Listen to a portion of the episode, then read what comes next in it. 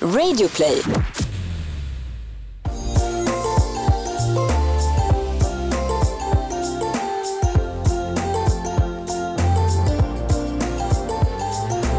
Lyssnare, välkomna till ett nytt avsnitt av Bakom varumärket. Podcasten där vi Jenny Kaiser. och Jessica Morales tar er med bakom kulisserna hos några av Sveriges just nu mest inspirerande marknadschefer. Ja, så var det måndag igen Jessica.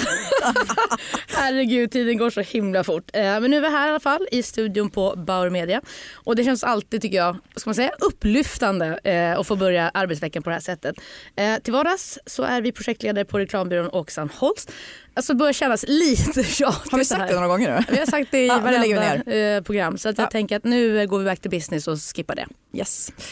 För nu ska vi fokusera på något mycket mer intressant och det är att vi har ingen mindre än Sveriges bästa marknadschef inom resekategorin med oss. Anna Lestadius, nordisk marknadsdirektör på TUI med ett förflutet från både byrå och kundsidan såsom till exempel legendariska Loe Brimfors, Framfab, Hall Cederqvist och Absolut Company. Förutom din fantastiska mer- meritlista så är du konstutbildad och ryktet säger att du under årets lopp varit väldigt kreativ när det kommer till jobbsökandet. Varmt välkommen Anna. Tack så hemskt mycket. Du- Otroligt trevligt att ha dig här. Ja, väldigt trevligt. Vi skulle ju faktiskt ha haft dig under Sveriges eh, marknadschef men då körde det ihop sig. Det Eh, körde ihop Och då sig. blev vi lite osäkra om vi skulle få till det och därav extra glädje att du är här idag. Mm, super. Vi tänkte att vi börjar med någonting mycket enkelt. Hur var helgen? Oj, eh, urhärlig, väldigt lugn. Eh, jag reste ganska mycket förra veckan och eh, därför var det super. Så jag har mest promenerat och lekt med min man och mina barn. Mysigt. Det var ju himla fint väder i lördags också. Fantastiskt fint Ja. väder. Härligt. Men du, kan du inte börja berätta lite grann om dig själv innan vi går mer in på den professionella versionen av dig? Uppväxt, bakgrund, intressen? Eh, jag, eh, uppväxt. Jag är född i Malmö, samma som Zlatan. Eh, och eh, sen bodde jag där och sen flyttade jag utomlands lite, bodde i Schweiz och i Tyskland. Eh, och sen kom jag hem igen till Skåne men flyttade ganska snabbt till Stockholm. Så bodde, flyttade hit när jag var 14 ungefär. Och sen dess har jag bott här, förutom att jag pluggade i Lund. Så att, eh, det är snabbt var jag är uppvuxen någonstans. Jag har flyttat runt en eh, hel del under min eh, uppväxt. Numera bor jag här i Stockholm, eller utanför Stockholm i Danderyd eh, med en man som heter Erik och tre barn. Eh, två söner och en dotter. Intresse, ja det är väl lite så klichéartat men jag älskar att resa. det Konstigt annars va? Känns det fel att svara någonting annat? Ja, men det gjorde jag väl, eller det gjorde jag redan innan eh, eh, jag började arbeta här. Eh, så det har varit, eh, ja, jag skulle nästan säga att det var någonting som föddes, ja, kanske mycket på att vi bodde utomlands och så, här, så jag har rest en hel del med min familj. Men eh, sen hade jag förmånen eh, i att faktiskt när vi arbetade på Hall och Cederqvist så reste vi otroligt mycket med våra kunder där. Och eh, Anders Wester som ju dessvärre precis har gått bort lärde mig fäblessen av härliga hotell. Åh, jag älskar också hotell. Du, bara ren nyfikenhet. Man hör ju ingenting av ditt skånska arv. Om min mamma ringer hör vi det direkt. är det så? Då ställer du om eller? Då ställer jag om. Jag, eh, hade jag kunnat så hade jag styrt att det var ett av dem. Och helst skånskan har jag gärna behållit den. Men jag hör inte själv. Nej. Vad är det för Så- ord som uh, blir så särskilt framträdande? Nej, jag är ju norrlänning jag- själv jag- så jag, jag säger kaffe. helt. Jag byter du helt, byter så mina helt. kollegor skrattar ihjäl sig när någon i min familj ringer. Ja. Ja, då vet För då precis. byter jag direkt. Ja, då vet de exakt. Mm. Du, eh, din bakgrund är väldigt intressant. Eh, fantastisk eh, meritlista om man får uttrycka sig så och så vidare. Men igen innan vi går in på detaljer. Den resa som du har varit ute på, hur har den format Anna som person? Oj, svår fråga. Jag, någonstans så tror jag att jag, jag, har, jag har faktiskt haft förmånen eh, genom alla mina jobb att ha otroligt eh, inspirerande chefer och kollegor runt omkring mig. Eh, sen letar jag ju också efter det när jag söker jobb. Jag är helt passionsdriven eh, och tycker att det är det absolut viktigaste, de personer man arbetar med. Eh, och då kan man säga, ja men det är självklart för du har varit på ja, spännande varumärken. Men ofta så är det ju så att de varumärkena man dras till, det, där arbetar ju så också sådana personer som man kommer överens med eller tycker mycket om. Eh, så att jag skulle säga att det som har format mig mest är nog allt det som jag har lärt mig utav eh, alla personer som jag har haft förmånen att få jobba tillsammans med. När vi satt och uh, gjorde vår research på dig, om vi gick in på LinkedIn förstås, uh, så kände vi mm. bägge två, vi sa det, va? Alltså extremt inspirerande person, henne skulle jag vilja vara. Ja. wow. Inget snack. Nej, inget snack om saken. Uh, vad skulle du säga är din största, liksom, enskilt största bedrift under din karriär? Oj, den är också jättesvår. Det kanske inte var så lätt start. Nej, det var inte så himla lätt start. nej, men jag, nej, men jag skulle säga att jag, det, det, och det är nästan också så här, när man är passionsdriven så tänker man inte så himla mycket bakåt. Så jag skulle säga att den, den största bedriften är ju onekligen den som ligger närmast i tiden, nämligen omgörningen av fyra älskade varumärken på fyra nordiska marknader till ett. Mm. Eh, och att kunna göra det med succé. Vi skojade rätt mycket innan vi började för vi var en väldigt liten arbetsgrupp på grund av ja, sekretess och så vidare. Att antingen få åka land och rike runt på universitet och berätta om vårt misslyckande eller så klarar vi det här. Eh, och det var lite med den, ja, den inställningen vi gick in i också. Mm. mm. Och vi vill jättegärna, vi ska gå in lite på djupet mm. på det där för vi är väldigt nyfikna kring det också. Men innan tänkte jag tillbaka till att eh, vi har en hel del studenter som lyssnar mm. på det här programmet. Eh, och du har ju haft en liten okonventionellt sätt att liksom, eh, söka dig till de här företagen men också landa väldigt eh, häftiga roller. Kan du berätta lite grann till exempel om hur du fick rollen på eh, Absolut? Ja, det, det, den historien är... Nej, men den, är så här, och, eh, när man berättar för privatpersoner så skrattar de och när man berättar för headhunters så tittar de jättekonstigt på en. Men eh, det är faktiskt så att jag, jag, på den tiden arbetade jag på Framfab eh, och det gick ju väldigt fort upp och så gick det ungefär lika fort ner. Eh, och så var jag sjuk en dag och låg hemma och tittade på tv Eh, och då var det Oprah Winfrey på tv och eh, hon hade ett program som handlade om att det enda sättet att lyckas arbetsmässigt är att göra det man älskar.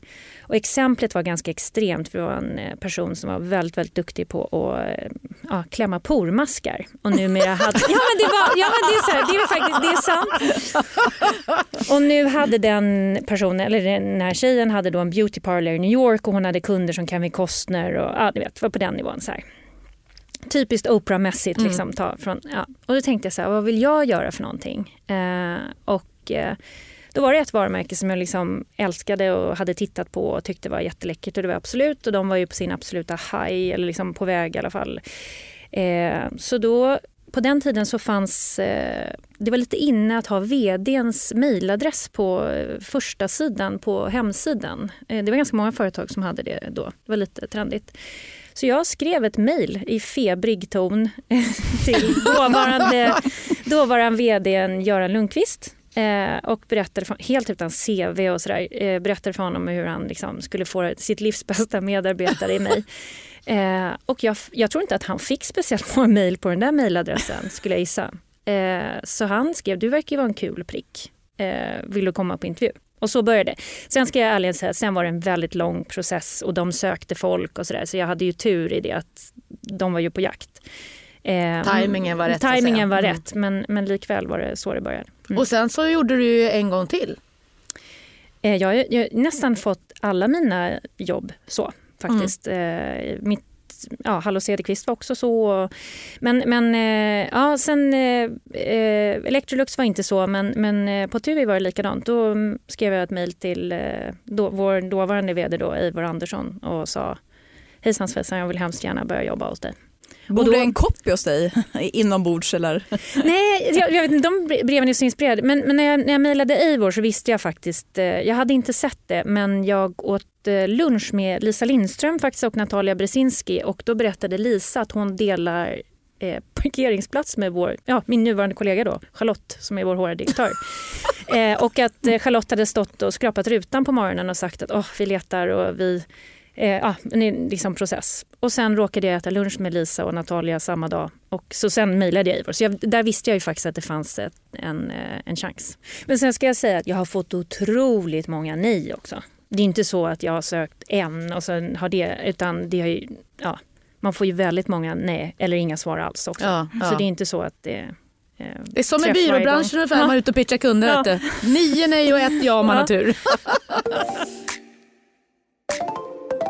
Men du, du är nu sedan tre år tillbaka marknadsdirektör på TUI. Mm. Vad, och vi har pratat rätt mycket om att du är en passionsdriven person. Vad, vad på TUI är det som, vad älskar du mest med jobbet? Det är faktiskt mina kollegor eh, som jag tycker är absolut roligast. Eh, och jag, egentligen så, så, att det blev resor var faktiskt en ren slump. Eh, för efter att ha varit på Electrolux och även på Absolut faktiskt så eh, ville jag väldigt, väldigt gärna två saker. Jag ville eh, arbeta för ett företag som ägde sin distribution. Eh, för att det, det, ur ett marknadsperspektiv så är det väldigt, väldigt kul. Så jag ville komma eh, där man ägde fullt ut sin distribution. Och det andra var att jag ville jobba i helst av allt med e-handel. Eh, så att det var det jag tittade efter och letade efter. Att det sen blev resor, det var ju bara en fullträff eh, för att det är ett så starkt intresse hos mig. Men det var inte på grund av resandet. Så att jag skulle säga att det roliga med att arbeta på TUI det är just att det är ett det är ett e-handelsföretag och det är otroligt digitalt drivet och det gör att det är en sammansättning av människor som är modiga, drivna, eh, ja, många kompetenser inom de områdena som ju blir en allt viktigare del eh, av att vara en marknadsperson.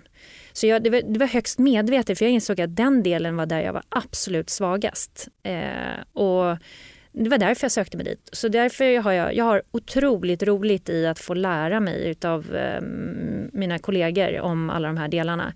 Och eftersom vi säljer ja, 85% online, eh, vi har inga butiker utan resten är tredje part, så är det ju en del av vår dagliga eh, verksamhet. Så det tycker jag är nästan, det, kollegor i kombination med den eh, hastigheten i den världen vi lever i är absolut roligast.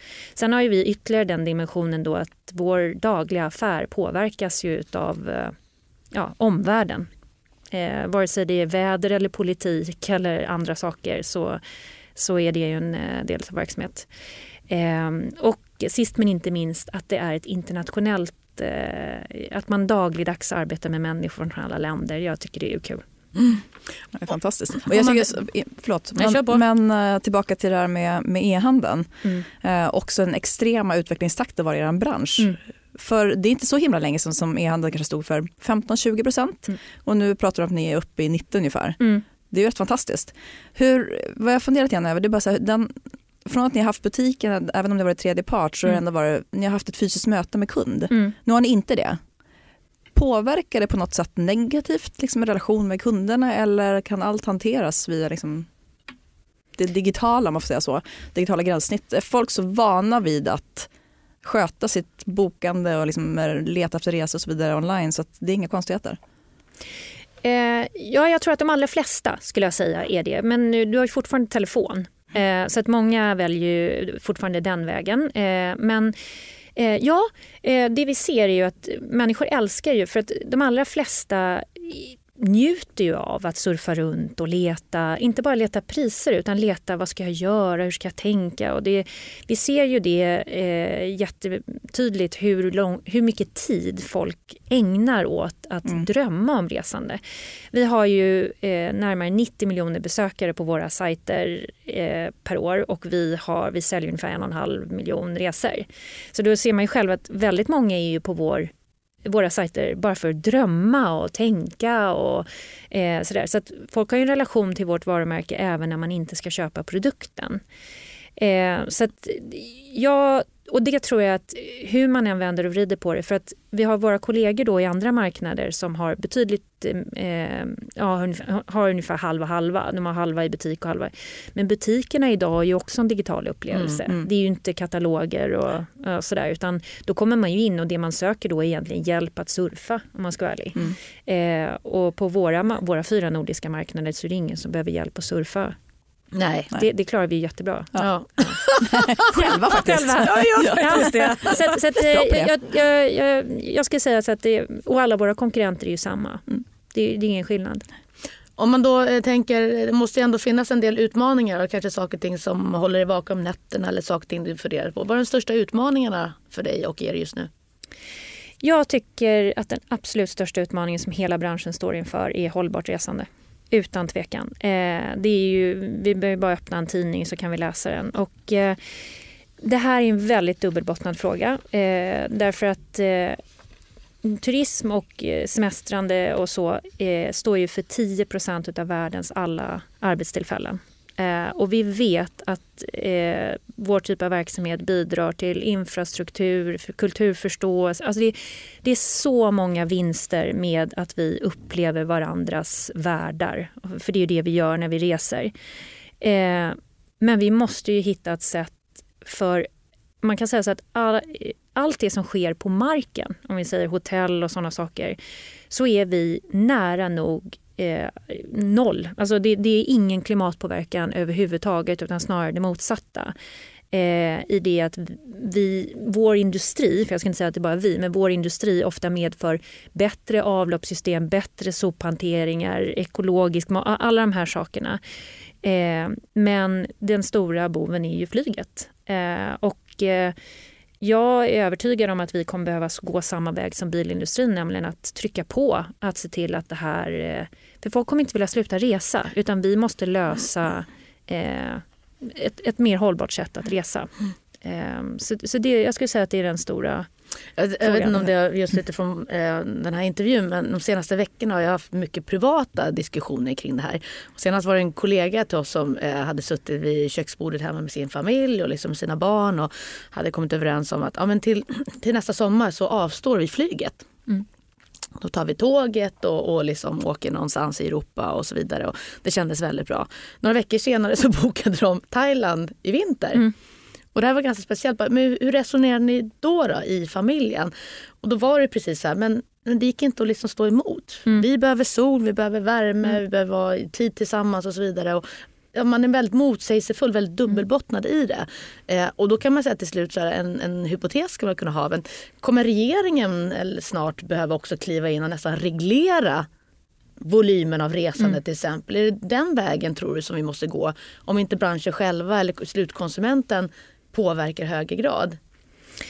Ja, jag menar att flyget är, eh, släpper ut. Men jag lyssnade idag, jag är inte expert på exakta siffrorna, men jag lyssnade senast idag faktiskt på Lottie Knutsson som jag hade det här jobbet tidigare.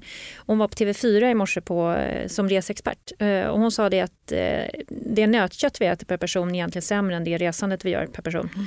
Mm. För hon fick exakt samma fråga. Så hon sa att om man väljer att äta mer vegetariskt och, så kan man resa med gott samvete.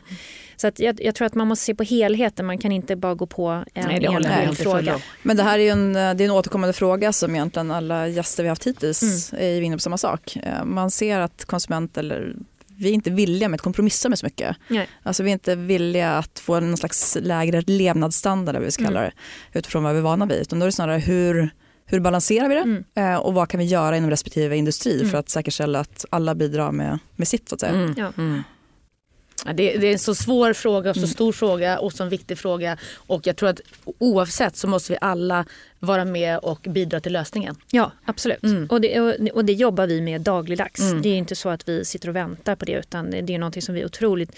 Vi sänker eh, utsläppet på våra plan. Alltså vi, vi, på daglig basis är det någonting vi pratar och arbetar eh, med och för. Ehm, så det kan jag med stolthet säga att jag upplever att vi gör otroligt mycket på det området.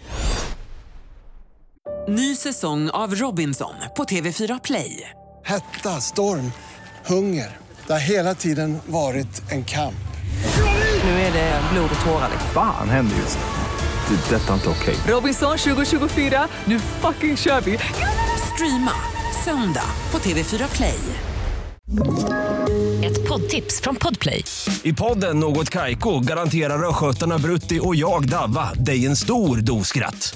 Där följer jag pladask för köttätandet igen. Man är lite som en jävla vampyr. Man har fått lite blodsmak och då måste man ha mer. Udda spaningar, fängslande anekdoter och en och annan arg rant.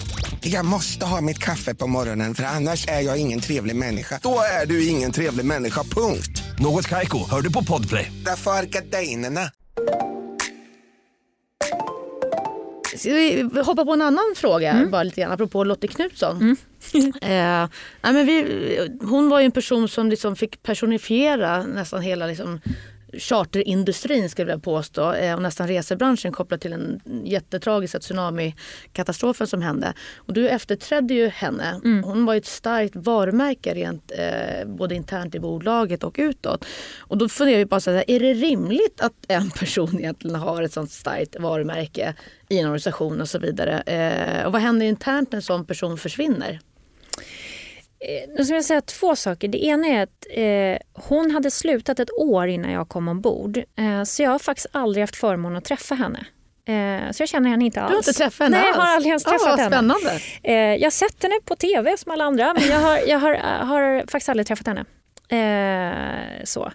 Eh, men eh, det är svårt att säga. Jag tror att eh, det spelar nog egentligen ingen roll. Det finns ju många personer i näringslivet som har varit otroligt framträdande på grund av olika saker som de har gjort som har varit fantastiska. Och det kan ju ingen ta ifrån henne att hon, hon har gjort ett fantastiskt arbete. Eh, och sen så blev ju det en riksangelägenhet. Eh, så så att jag, jag tror att eh, man får skilja på det och på eh, jag, jag kan inte svara på men jag upplever inte att det är någonting som hon skapade för sig själv där utan hon Nej. gjorde ett fantastiskt arbete och därför fick hon den positionen hon fick. Mm, mm. Nej, men varför vi filosoferar lite grann det är ju precis som du säger. Det har inte med Lottie att göra på något Nej. sätt eller Tuj utan mer att när en, en person får personifiera eller får, det blir Mm. så oavsett anledning, så finns det alltid nästan en risk med det. För det Mm. blir som att man associerar både verksamheten och medarbetare och så försvinner den. Så Mm. Det är varumärket i grund och botten som måste vara liksom utgångspunkten. Ja, och det måste jag säga, det lärde jag mig eh, väldigt mycket på Absolut Vodka. För att eh, där var det, det var tydligt uttalat i våra guidelines att hjälten är flaskan. Punkt slut. Just det. Eh, och det var vårt största mål. Och det kan man nästan säga att det finns ju väldigt få personer, trots den enorma framgången som det varumärket har haft, som är kända därifrån. Sant. Det är sant, Eh, precis. Det är oerhört få som kan namnge vem som var vd genom åren och sådär. Och jag, jag tycker att det var en väldigt fin kultur. Eh, för vi alla var så här otroligt stolta över den och eh, ja, det var liksom vår maskot. Eller hur man ska säga. Men det, det var så jättetalat, det var uttalat där. Eh, alltså, det är- ju ett ikoniskt varumärke och ikonisk strategi. Och, eh, ja, det är fantastiskt. Man kan både lära sig mycket och bli inspirerad som du säger. Verkligen. Men om vi, om vi rör oss in på um, kommunikationsämnet då, då. Eh, När ni bytte namn 2016 från fritidsresor, det är på tal om ikoniskt, det är också Ja, ett ikoniskt gammalt varumärke till TUI. Eh, Så lanserade ni även eh, For You, det nya kommunikationskonceptet. Kan inte du berätta lite om den resan? Ja, det var också en spännande resa därför att eh, det beslutades ju eh, ganska tidigt, det var faktiskt innan jag klev ombord, att samtliga marknader skulle byta namn. Då. Så det var ju inte bara de nordiska länderna utan det var ju överhuvudtaget. Eh, och i den vevan så, så var det egentligen våra holländska kollegor som var eh, först ut. Och det gick så fort för dem så de eh, fick göra det mer eller mindre med existerande kampanjmaterial som fanns. Eh, och sen precis innan jag började så hade mm, vår CMO Erik eh, en, en stor byråpitch eh, med alla de byråer som hade arbetat med eh, de olika varumärkena sen tidigare. Och den där drog ut på tiden. Eh, och då, precis så här, timing, men precis samma veva så avslutade Forsman, Bodenfors och Ving sitt samarbete. Eh, och Eivor eh, hade ju tidigare arbetat på Ving så hon sa det är ett bra team och vi hade bråttom. Eh, och då satte hon, alltså, hon och jag satte oss ner i ett rum på en whiteboard eh, och bara vi vill inte pitcha. Mm, vi har båda jobbat på eller med eh, en rad olika byråer. Så tog vi bort alla byråer som hade konkurrenter i portföljen. eh, och så tittade vi på vem vill vi helst jobba med. Och så sa vi det är nog Forsman. Eh, så vi ringde dem. Eh, hej, sa jag. Hej, jag är ny här. Och två dagar senare satt de åtta personer runt ett bord i vårt konferensrum och sen skrev vi väl ett avtal två veckor senare. Så, så, eh, så funkade det. Ja, men det, och det, det, det var, och det, så här, ibland är det bra att ha ont om tid. Eh, och Det var då inte för att göra den här kampanjen utan det var egentligen för att vänta in. Och de, de var väldigt medvetna om det. Eh, det var för att vänta in den stora pitchen som, som var sagt att den skulle vara klar. Eh, så egentligen signade vi bara dem på ett år och sa att vi vill jobba med er ett år. Så det första vi gjorde var inte For You utan det var en, eh, två andra kampanjer som rullade år ett eh, under de gamla varumärkena. Då. Men sen, ja, lång historia kort i alla fall, så gjorde de ju ett sånt fantastiskt arbete år ett så att vår CMO Erik då fick upp ögonen för dem och så, fick de så togs de in i pitchen. Och sen eh, vann vi först för Norden och sen för en rad andra marknader och nu kommer vi även inkorporera England som är den sista marknaden in i det här. Man kan ju, det är ju fantastiskt. Verkligen. Grattis. Och jag menar, det är ju inte självklarhet utan det beror ju också på den effekt som faktiskt konceptet har bidragit med på alla olika nivåer. Men vad betyder det här för din organisation och för dig själv då, givet det större uppdraget? Påverkar det på Ja, det är jätteroligt för att eh, eh, ja, vi har fått ansvaret för att göra all kommunikation för hela TUI och också en, en rad andra varumärkesdrivande saker som vi sysslar med. Eh, och eh, eh, ja, eh, mitt team har ju fått nya arbetsuppgifter och vi gör det nu för hela gruppen och så. Men det är också så som TUI är strukturerat. Vi har inte en stor central eh, marknadsavdelning utan de är ganska små och de är faciliterande. Så att vi, det de gör är att vi jobbar med vad vi kallar för Centers of Excellence. Så till exempel Customer Experience styrs utifrån Holland och eh, vi styr kommunikationen. Och, alltså, så att vi har delat upp det. Så att, Eh, alla marknader har sin expertis. Engelsmännen driver mycket CRM och, och så vidare. Så att jag måste säga att det här är det roligaste sättet jag har varit med och gjort marknadsföring hittills. Att det inte finns en stor central organisation eller att det är helt decentraliserat utan att vi faktiskt alla får vara med och jobba på alla marknader men att man väljer ut oss beroende på kompetens. Min erfarenhet av det där är ju, eh, förutom att det är en jätteutmaning ändå, det är mm. som en 18 mannaspans mm. liksom, kärra du ska försöka få ja. i samma riktning. Men, men det där, hur upplever du egentligen då, hur, man, hur säkerställer man att alla är med på båten? För det handlar ändå om att utgångspunkten måste vara detsamma både utifrån varumärket, det konceptuella, de liksom attribut du ska driva och jada jada. Hur, hur gör ni det? Oj, ja, det är många och långa möten. Nej, men jag, jag tror också... Eh, ja, men, men du, har, du har helt rätt. Halva jobbet är ju att få alla med sig. Eh, den, den and, ja, nästan två tredjedelar är det och en tredjedel är att göra jobbet. Men, men, men eh, eh vi hade... Vi också haft... Vi, gjorde, vi, vi tog ju en stor chansning i att göra ett koncept som vi trodde inte skulle vara bara för oss. Vi, vi briefade det ju så. Ja, ni gjorde det. Spännande. Ja, det gjorde vi. Mm. Så att vi, eh, eh, vi satsade ju hårt tillsammans med Forsman. Mm. Ska jag säga. Så det, var, det var ju så att vi sa att vi ska inte göra någonting bara för Norden utan för helheten. Ehm, eh, och sen så bevisade vi ju då att det gick. Eh, och innan man körde ut dem på de andra marknaderna så gjorde man ganska mycket tester för att se att det skulle flyga och då gjorde det det väldigt, väldigt väl. Så att vi har haft förmånen att få rulla ut det pö om pö och inte som en stor eh, eh, så. Så eh, även nu i England så har vi ju testat det ordentligt på konsument innan vi nu eh, för det är vår absolut största marknad innan vi kör ut det. Så att det är ju väldigt lyxigt att kunna testa något som redan finns. Oftast så står man i situationen att det är någon slags animatics och jättekonstiga Såklart. grejer som man ska ha ut liksom, som sällan ger några speciellt bra resultat åt något håll. Nej. Mm. Jätteklurigt kan jag tycka att det är. Här hade vi ju full-blown campaign som vi liksom kunde eh, eh, titta på. Nästan live-testa på att säga. Ja, ja absolut. Mm. Så det, det, det, är en lite annorlunda situation. Och, och sen så också har vi eh, vi har ganska strikta riktlinjer på eh, som vi har satt upp tillsammans på att eh, alla marknader får vara med och tycka om strategin och så här, men sen det kreativa arbetet sköter vi. Så vi är inte en kommitté. För det, det var faktiskt ett av de kraven som Lisa Rönnberg då, som är ansvarig för det här hos mig eh, och jag var att vi kan inte ha creativity through committee. Det kommer inte gå. Då vill inte vi ha uppdraget. Så det vi gör klokt. Är att, ja, väldigt klokt. Ja. eh, så, så när det gäller den kreativa utvecklingen så är det bara vi. Spännande. Det här är en ganska så, intressant konstellation med de här mm. olika satelliterna. Man ska kalla det. Hur, om man tittar på, på din avdelning då i Sverige. Vilka nya kompetenser har tillkommit under resan? Vilka ligger i pipen? Hur jobbar ni med inhouse? Hur är det så här, framtidens marknadsavdelning hos er? Ja, eh, eh, vi har ju gått från att vara väldigt klassiska. Alltså, när jag kom så var ju marknadsavdelningen för nio personer och media satt någon annanstans och så vidare. Så, så vi har förändrats ganska mycket. Men det är inte bara marknadsavdelningen som har gjort det utan det är hela företaget som helhet. Så att jag tycker att genomgående så är det mycket digital kompetens eh, som har kommit in och det är det ju på alla eh, företag.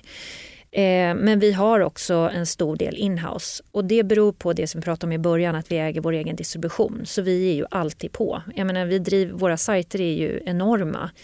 Så att eh, vi använder eh, man säger så här, för det dagliga arbetet så gör vi i stort sett allting själv. Eh, och sen så har vi eh, tre, ja, fyra byråer som vi samarbetar med. Forsman är en, sen jobbar vi med Splay. Eh, vad gäller eh, våra, för att vi vill eh, nu vill vi bli bäst på sociala medier.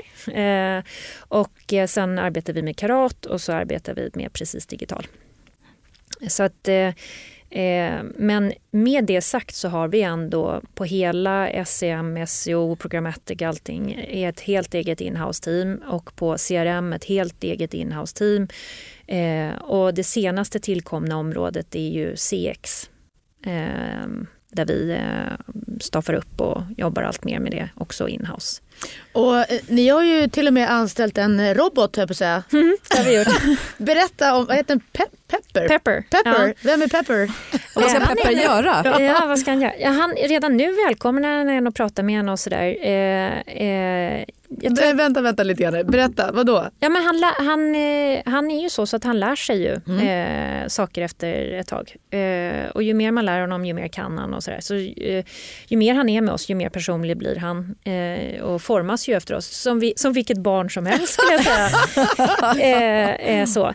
Men eh, det är ju en del i ehm, eh, för vi tog fasta på att för att kunna bli det företaget vi vill bli så måste vi ju satsa på nya sätt att arbeta tillsammans. Och eh, det har framförallt vår vd och vår HR-direktör drivit jätteväl genom att eh, inte bara ha principerna utan visa det i, i, i riktiga livet så att säga. Så att vi har mycket så här symboler som, för att folk ska liksom känna att det händer på riktigt. Eh, inte bara på powerpoint om man får vara ärlig. Eh, och Pepper är ju en del i det. För det, det är ju så att när han går omkring, och så här, det skapar ju nyfikenhet men eh, det är inte bara sådana saker som händer. Jag ska själv gå kurs i programmering nästa vecka för att lära mig programmera. Sen tror jag inte jag kommer bli programmerare. men det är ju... Men det är ju eh, För att förstå och bli Förstå. insatt i. Ja. och, och det är det vi driver. Vi, vi förstår ju att inte alla kan vara... Alltså, jag kommer inte bli UX-are eller liknande, men jag måste ju kunna beställa. Jag måste ju kunna vara en bra motpart till människor som har alla de här expertiserna. Det är ju min roll. Eh, och om jag inte har förståelse eh, så kommer jag ju vara en urusel beställare i all evighet eh, skulle jag säga. Eh, så det arbetar vi jätte, jättemycket med. Att man har en ja, kunskaps... Eh, lifelong learning kallas det eh, hos Vad oss. spännande. Vad, vad Ah, mer för... nu är jag kär i Tuji. Ja, men det, ja, och, och, och, och faktum är att det är inte bara något vi säger utan det är faktiskt något vi gör. Vi har eh, eh, något vi kallar för masterclasses som är eh, alla har, måste gå minst 40 timmar per år. Och de drivs faktiskt av våra egna medarbetare. Så att de, om man är expert till exempel, jag och Johan Nydring i mitt team som ju är media och performance och så. Och han har ju en, en masterclass i det och det är en av de mest populära. Så att folk på finance och överallt går på de här för att förstå vad är SEM, vad är SEO och hur fungerar det här och varför har man programmatic och eh, så. Så att det, vi lär varandra. Vad Eh, spännande. Är det, här, är det olika liksom, eh, kursinnehåll varje år? Eller? Ja, eh, det är olika kursinnehåll. Eh, Vi rullar ut mycket saker via masterclasses men det kan vara allt från rekrytering, hur gör jag det, till ja, olika saker man kan lära sig. Så inom alla områden egentligen. Det där som jag vill höra mer om. Alltså, kan vi ta får en vi lunch vid vara tillfälle? Jag vet, också vara. Vi, vi har faktiskt, eh, det kan man absolut få vara. Vi, eh, våra partners blir medbjudna på masterclasses som vi... eh, Fantastiskt. Ja.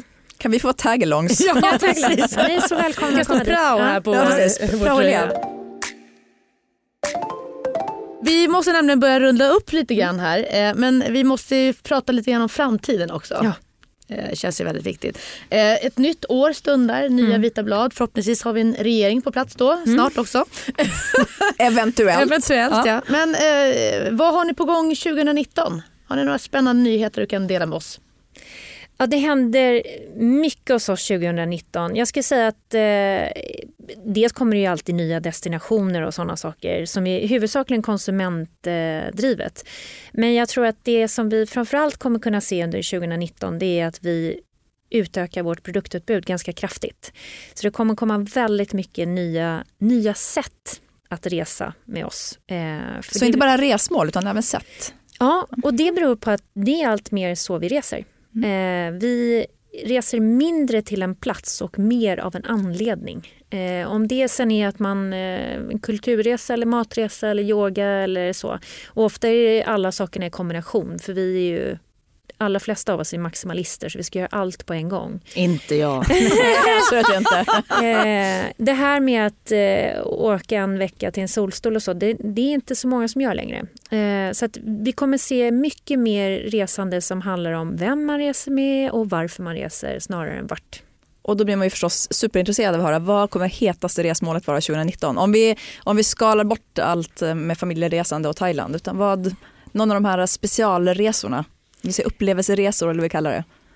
Vart skulle, vart skulle du åka om du får välja det är Det är programmet två helt 2019? olika saker. Vart vart skulle skulle jag- vi tar det som två frågor. Mm. Vad blir det hetaste lite mer mainstream och vart skulle du åka helst? Ja, men eh, några, det, det är svårt att säga vad är det hetaste. För det, vi, Spanien är fortfarande vårt största resmål i, i, i alla fall i Sverige. Men om vi tänker från det nya sättet att resa, om vi, om vi skalar bort Thailand och Spanien utan vi tar någonting av de här nya spännande Nu blir det upplevelserna. gräva. Får jag höra? Jag blir väldigt intresserad.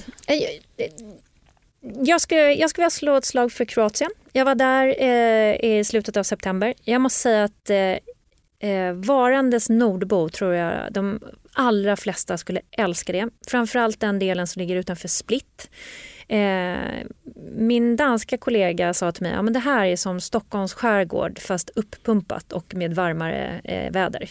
Jag Eh, håller med. Jag har det varit är, där. Ja, du har varit där. Fantastiskt. Ja, det är precis, och det är pinjeträd och vi känner helt igen naturen men allting är bara vackrare, eh, grönare vatten och varmare fast det är liksom på något sätt Och maten skärgård. är fantastisk. Så att jag, jag måste säga det är on the rise för mig. Mm. Och eh, var, var åker Anna eh, 2019 då? Om Anna själv får välja. Jag, jag har lite planer på att faktiskt åka till Kroatien Mm. eh, men närmaste tiden, faktiskt redan innan 19, är att jag åker till Mauritius över jul. Oh, Du ska inte säga Nej, någonting. jag ska inte säga något. Nej. Nej. Och vart ska du då? Jag ska till eh, Australien med min Åh, son. Gud vad härligt. Mm. Ja. Så det ska bli jätte, jättehärligt. Eh, och, men en sak också tillbaka då till 2019. Är det någonting som du ser kommer vara liksom den största förnyelsen eller riktningsgivande skillnaden 2018 till 2019 för avdelningen marknadsföringsmässigt? För mig personligen är det faktiskt att vi är fulltaliga. Äntligen Ja, eller? nej men, ja, och det är man väl aldrig. Men, men eh, vi, har, eh, vi har byggt under en lång eh, eh, period eh, att, liksom, för att kunna satsa på de sakerna vi vill. Så att eh, 2019 för oss kommer att bli ett år av fantastisk leverans vilket det ska bli super, super, super roligt. Eh, så det känns som att vi är världens bästa gäng just nu. Åh, vilken härlig känsla att Mm. lämna året med. Nu ska jag viska lite grann här nu. För vi måste ändå så här, finns det någon hemlighet utifrån hur får man ta på de bästa resorna till det bästa priset? Ring Anna. Nej men kom igen nu.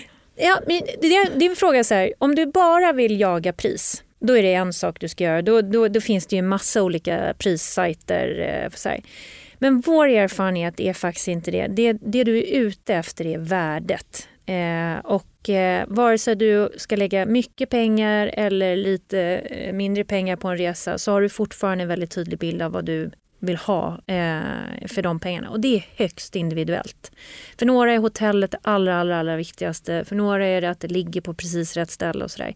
Så den där är jätte, jättesvår att fråga, att svara på. Jag önskar att jag hade ett svar men det, det, det är inte... Och det är, det, är vårt, det är vårt arbete att försöka guida folk att, att hitta den resa som de tycker absolut bäst om. Det, och, och den dagen, eller liksom när vi gör det fullt ut för 100% av våra resenärer, då är jag supernöjd.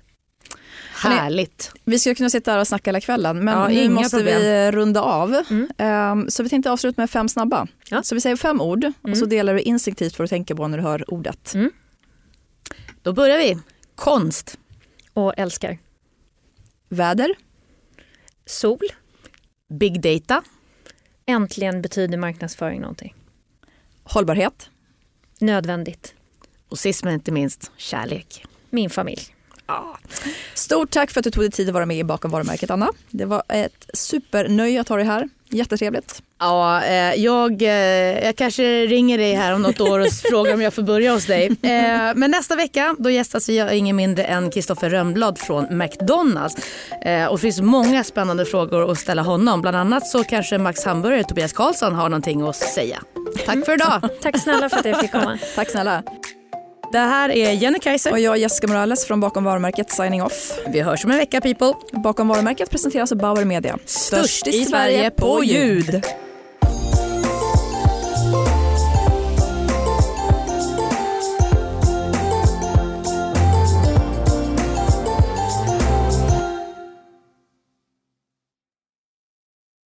Ny säsong av Robinson på TV4 Play.